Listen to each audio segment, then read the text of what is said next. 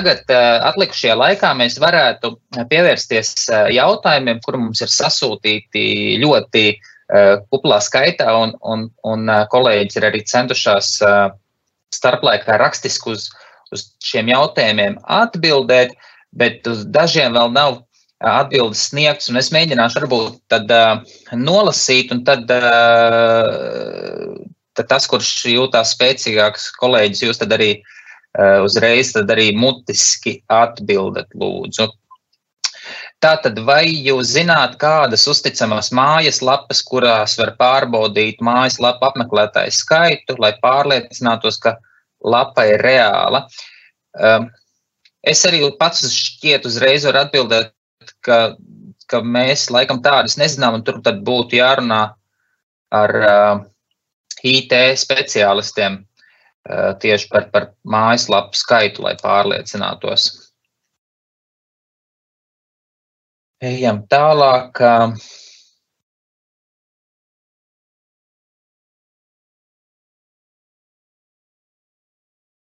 Labdien! Saskaņā ar sankciju likumu 11. pantu otro daļu no publiska iepirkuma atļauts izslēgt tikai tādu apakšu uzņēmēju, ja tam paredzēts veikt tiešu maksājumu. Kā šo izpildīt kopsakarā ar norādīto, ka jāpārbauda uz sankcijām sadarbības partneris, ir sankcija likums īsti nenosaka par pienākumu pārbaudīt sadarbības partneris un neslēgt līgumu, ja izrādās sankcionēts ļoti specifisks jautājums. Kolēģis, vai mēs esam gatavi atbildēt tik specifiski jautājumi?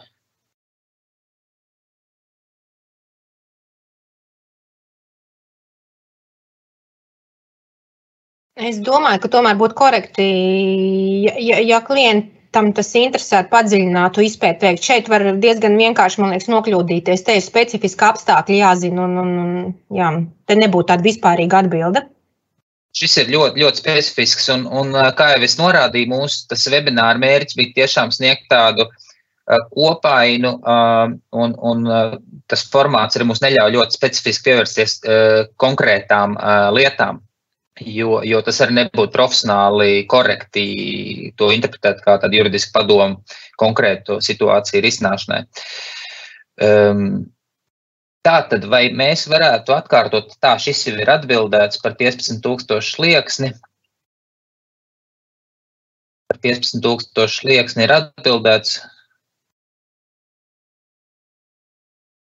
Um, komentārs ir, ka šoreiz izklausās pēc īsa ievads, kā neuzrauties. Nu, um, Nu, nē, tāpēc, ka nosaukums ir kā nenokļūt zem lupas, jo mēs faktiski ticam, ka lielākā daļa uzņēmēju ir godprātīgi, bet tā problēma ir tāda, ka resursu vai kādu citu ikdienas rūpju dēļ kaut kādi jautājumi paliek nenoklāti vai nenosakti. Un, attiecīgi, pēc pāris, pēc, pēc, pēc, pēc pāris gadiem vai pat ātrāk atnāk no iestādēm jautājumi, kuros jums ir jāsniedz paskaidrojumi par lietām, kuras jūs vairs neatceraties, un dokumenti nav, nav kārtībā, un, un tad, ir, tad ir ļoti grūti atbildēt. Tā, tā, tā ir tā mūsu, mūsu, mūsu tas, tas mērķis. Mēs, mēs ļoti ticam, ka, ka, ka jūs neesat tie, kuriem būtu vai nebūtu jāuztraucas par uzraušanos, bet drīzāk kā sakārtot to saimniecību. Šeit ir jautājums par uh, digitālo dokumentu parakstīšanu ārpus Eiropas Savienības valstīm, kur parakstam tiek izmantots tāds lietotnes kā DocuSign. Um, kāds var pakomentēt par, par šo? Agnete? Es varu īsi, jā, pakomentēt. Runā skaļāk, jā, tu, tu tev laikam nevar tik labi dzirdēt. Jā. Uh, jā, es varu īsti pakomentēt. Nu, viens, pirmais komentārs ir tas, ka es īsti Nezinu, kādā kontekstā tas jautājums ir uzdots, jo nu, idejiski nav aizliegti, kā privātā darbībā nav aizliegti arī tie saucamie nekvalificētie un netik drošie elektroniskie paraksti. Tā kā, piemēram, tas dokumentāts piemērs, nu, tas ir atļauts savstarpējā sadarbībā. Bet šīs e-paraksts visticamāk nevarēs kalpot kā attālinātas identifikācijas rīks, ja mēs runājam, piemēram, nu, tieši noziedzīgi līdzekļu legalizācijas novēršanas kontekstā par uh, attālinātu klientu un sadarbības partneru pārbaudi. Un tur es redzēju, Andri, ka bija vēl uz priekšu vēl vairāk jautājumu par tieši e-parakstiem, tā izskatās, ka arī būs ļoti aktuāla tēma. Uh, piemēram, jautājums, cik ilgi ir spēkā dokuments, ja parakstīts, tas parakstīts ar drošu e-parakstu. Nu, viņš ir spēkā tik ilgi, cik nosaka tas dokuments, nu, respektīvi līgums. Jautājums, cik ilgi tehnoloģijas būs iespējams viņu atvērt, to mēs laikam nezinām. Nu, jāatzīst, ka likums neierobežo šo, šo termiņu šobrīd. Jā. Nē, noteikti nē.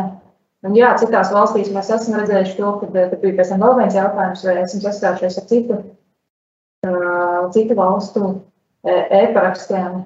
Jā, nu viņi tiešām katrā, katrā valstī tie standarti, kādus izmanto, ir ļoti atšķirīgi.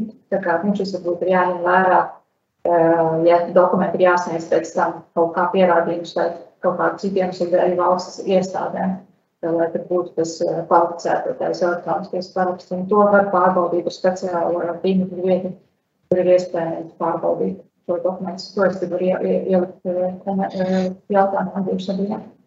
Violeta jau norādīja savā prezentācijā, ja es pareizi saprotu, tad tajā pēdējā slīdā arī bija norādīts šīs ten mājaslaps, vismaz kas attiecas uz Eiropas parakstiem. Tā, ejam uz priekšu. Te ir jautājums, kas var būt patiesā labuma guvējs biedrībai. Es uzreiz varu pats šo atbildēt, jo esmu pats arī personiski saskāries un, un tā uzņēmuma reģistra arī, arī interpretācija ir tāda, ka, ja, ja, ja, ja nav konkrēti iespējams konstatēt, tad tai, tur var norādīt valdes locekļus. Kas varbūt pēc būtības neatbilst tai, tai jēgai, bet nu, tas, tas ir izcinājums, kādu, kādu piedāvā uzņēmuma reģistrs. Tad te ir jā, komentārs par IKEA čekiem, ka tur ir tikai kodi un, un, un uh, nevar saprast, vai ir kumota galds vai skapis no, no paša čeka. Nu, tā tas ir. Droši vien IKEA, IKEA mēbeles nav pats kritiskākais, bet es pieļauju, ka tur, ja nepieciešams, tad var arī izprasīt no IKEA papildus informāciju. Tā, šeit ir uzņēmums, kura pamatdarbība ir būvniecība, saviem meitas uzņēmumiem sniedz grāmatvedības pakalpojumus. Vai šāda situācija ir jāvērtē no NIL apskata tikai tie klienti un viņu darījumi, kuriem tiek sniegt grāmatvedības pakalpojumi, vai arī citi sadarbības partneri, piemēram, tie, no kuriem tiek iepirkts preces būvniecībai, pasūtītāji, kam sniegt būvniecības pakalpojumu un tam līdzīgi.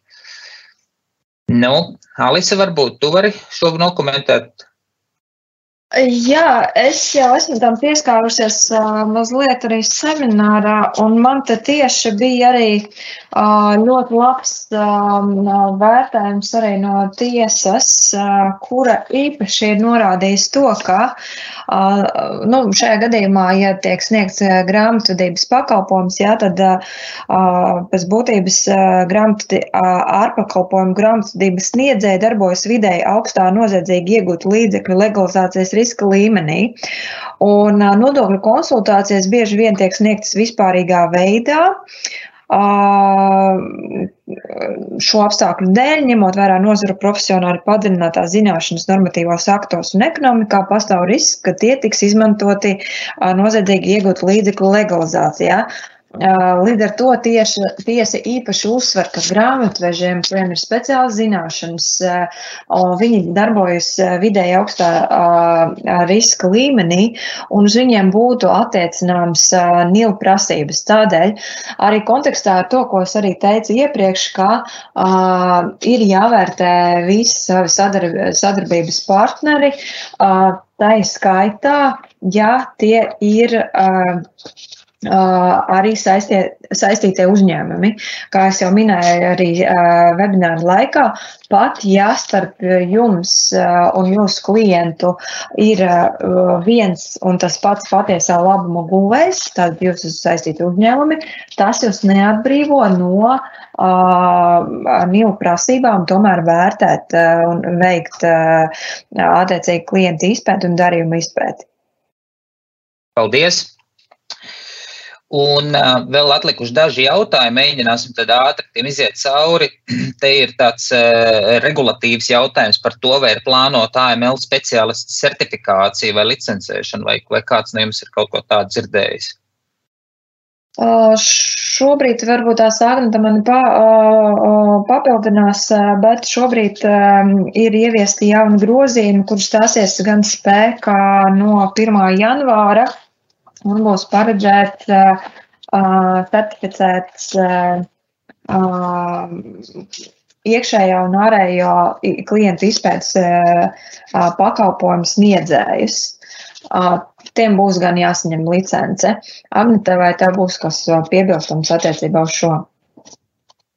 Nu, īsti nē, izņemot to, ka nosacītā veidā šāda licencēšana jau notiek, bet nu, tas nenotiek gluži valsts uh, ietvaros, bet ir, tā, ir tās organizācijas uh, akārs, kur izdod savu certifikātu, bet nu, tā ir paš, pašregulējoša organizācija, tā nav gluži valsts iestādes, kas licencē. Paldies! Uh, tad, tad nākamais jautājums ir tāds ļoti piezemēts pie zemes, kā lai saka, uh, Man ir jautājums par pienākumu apjomu attiecībā uz klientu un partneru pārbaudi parastam uzņēmumam, proti pārtiks preču mazumtirgotājiem un preču ražotājiem. Pārtiks preču ražotājiem. Kāds ir šis pienākuma apjoms, vai te ir kaut kas īpašs? Nu, šeit vairāk tas, es jau kādam citam esmu atbildējis, ja mēs skatāmies no AML lupas skatu viedokļa, ja jums kā mazam tirgotājam, kurš iespējams netirgo tās, ā, te ir nu, minēts pārtikas preces jūs tirgojat, ja, tad jums būtu, nu, tā kā jāvērtē un jā, jābūt piesardzīgiem attiecībā uz skaidrs naudas darījumiem, bet tikai tad, ja viņi pārsniedz 10 tūkstošus eiro. Tas būtu tas slieksnis, kad jūs arī tiktu uzskatīts par subjektu un jums būtu jāsniedz arī sliekšņa deklarācijas un jāveic tās pras, likuma prasības, kas attiecās uz subjektiem. Bet citādi pēc būtības uz jums attiecās tās pašas prasības kā uz jebkuru citu uzņēmumu nodokļu piemērošanas vajadzībām. Proti, lai nebūtu nerastos jautājumi no valsts ieņēmuma dienas dienesta puses par priekšnodokļu atskaitīšanu vai uh, citu nodokļu piemērošanu uh, darījumos uh, ar uh, jūsu klientiem, nu, piemēram, juridiskām personām vai, vai kā citādi, uh, tad būtu uh, tomēr ieteicams uh, ievies klienta izpētes uh, politiku, kurās būtu skaidri atrunāts, kā jūs pārbaudat savus klientus, veicot darījumus. Jāsaka tā, ka no tiesas prakses vienkārši pārliecināšanās, nu, teiksim, pārbaudīt PVN numuru vairs netiek uzskatīta par pietiekamu.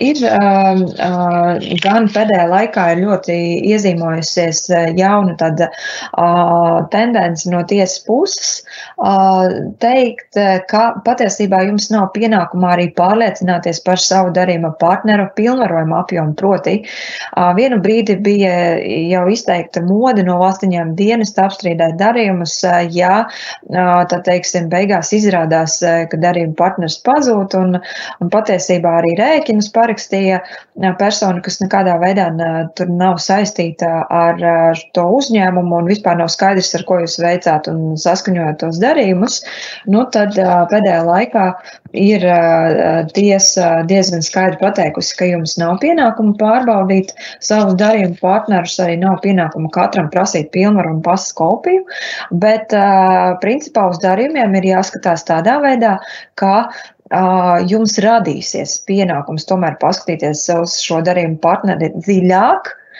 ja pastāv kaut kādi objektīvi apstākļi, kas var radīt šaubas par šo uzņēmumu. Ja, uh, nu, kas var objektīvi radīt šaubas, tas būtu jāvērtē varbūt tās jūsu uzņēmēja darbības specifiku, bet uh, nu, kā tādu spilgtu piemēru pieminēšu to, ka, uh, ja, ja teiksim, jūs esat kuģnie, ku, kuģniecības uzņēmums, kas veic attiecīgi specifiskus darījumus, tiek pieņemts tomēr, ka jums būtu jāzina savi nu, lielākie klienti un tā tālāk, ja, kas arī varētu sniegt, vai lielākie piegādātāji, kas var jums sniegt pakalpojumus. Un, attiecīgi, tiesa diezgan kritiski un vidas kritiski skatīsies, ja, piemēram, jūs veicat kaut kādus darījumus ar maz pazīstamu uzņēmumu, par ko jūs, kā informēts tirgus dalībnieks, neko nezināt un nekādas ziņas arī nesat ievācis.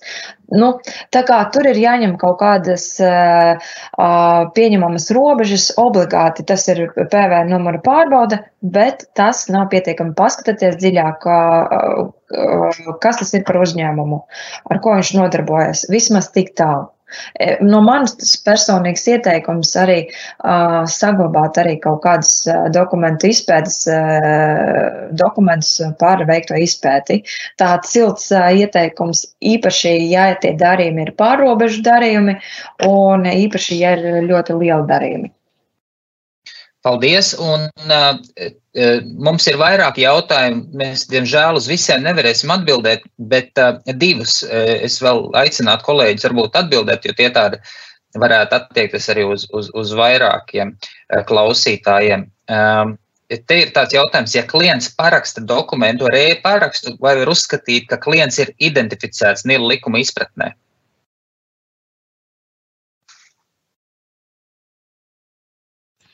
Kurš to var atbildēt? Jā, Violeta. Jā, es domāju, ka, nu, ja mēs varam kā komersants pārliecināties par tā pāraksta īstumu, tad eh, kādēļ gan ne? Bet tiešām te, jau droši vien būtu runa par to drošo ar laika zīmogu, to gadījumu, lai tiešām mēs būtu droši par to autentiskumu. Bet, eh, Paldies. ja privātajās attiecībās, nu, tas ir tā teikt, pieņem par labu esam zemāku kritēriju, tad varbūt jā, kāds no tiem diviem citiem zemāka drošuma parakstiem varētu arī derēt. Bet jābūt atkal tā teikt. mm, Jāpatur prātā, ka kādā brīdī valsts iestāde var paprasīt, kā tu, tu pārliecinājies par to, un tad ir drošāk tomēr būs, ja būs ar to drošo elektronisko parakstu pār, pārbaudīts. Paldies. Un tad ir ā, tāds specifisks jautājums, kas attiecās uz nodokļu konsultācijas pakalpojumiem. Kāds būtu ieteicams klienta darījuma apjoms, lai neveiktu klienta izpēti, ja tiek sniegti šādi nodokļu konsultācijas pakalpojumi? Nē, nu šeit eh, nevarētu runāt eh, par kaut kādu ieteicamo um, darījumu apjomu, jo uh, NIL likuma 11. pants paredz klientu izpēti veikt pirmām kārtām uzsākot attiecības ar klientu, un otrs, ja ir gadījuma raksturs, nu, gadījuma raksturs tiek jau tālāk apzīmēts ar dažādiem sīkāk aprakstītiem darījumiem. Tāpēc Te nebūtu atbildams tāds jautājums, ja jūsu darījums ir mazāks par 15,000 eiro, eh, tad jūs šo darījumu nepētat. Pirmām kārtām, uzsākot attiecības, jums būtu jāizpēta klients, un otrkārt, ja izpildās kāds no pārējiem 11. panta gadījuma rakstura darījumiem, kuru jums arī būtu jā, jāpapēta. Paldies, Alis. Nu, tad ar, ar šo mēs arī varētu uh, noslēgt uh, šīs dienas webināru. Un mēs ļoti ceram, ka uh, mūsu um, prezentācijas sniedz jums tādu kopiespaidu par šī, šie, šiem jautājumiem un tik tiešām palīdzēs jums varbūt labāk sakārtot savu saimniecību, lai izvairītos no, no, no nepatikšanām, uh, neapzināti neizdarīt kādas uh, muļķīgas kļūdas un, un uh, būt pārliecinātiem par to, ka tajā brīdī, ja kāds jums uzdos jautājumus, jums būs tiešām ko uh, uzrādīt un, un ka varēsiet sniegt loģiskas atbildes. Un tas ir arī tas mērķis. Bet, uh, Bet ņemot vērā, ka tiešām tas lielais uh, dalībnieku skaits šodien bija, un mēs uh, nevarējām atbildēt uz visiem jautājumiem un arī sniegt padziļināt, varbūt uh, atbildes par visiem jautājumiem, jo, jo mums ir jā, jārespektē arī to, ka daudziem klausītājiem uh, varbūt nav ikdienā šie jautājumi padziļināti jāpēta, tad mūsu tas, tas mērķis bija tiešām sniegt tādu, tādu kopēju, kopainu. Un tad, ja jums tomēr radušies ar kādu papildus jautājumu, lūdzu, nekautrējieties mums rakstīt vai zvanīt, un, un varam jau tad arī specifiskāk parunāt par, par, par jūsu jautājumiem. Ar šo tad es saku jums vēlreiz paldies, ka piedalījāties, novēlu jums jauku vakaru, novēlu jums labu veselību. Un, ja mēs netiksimies ātrāk, tad, tad arī, arī priecīgus Ziemassvētkus. Uz redzēšanos!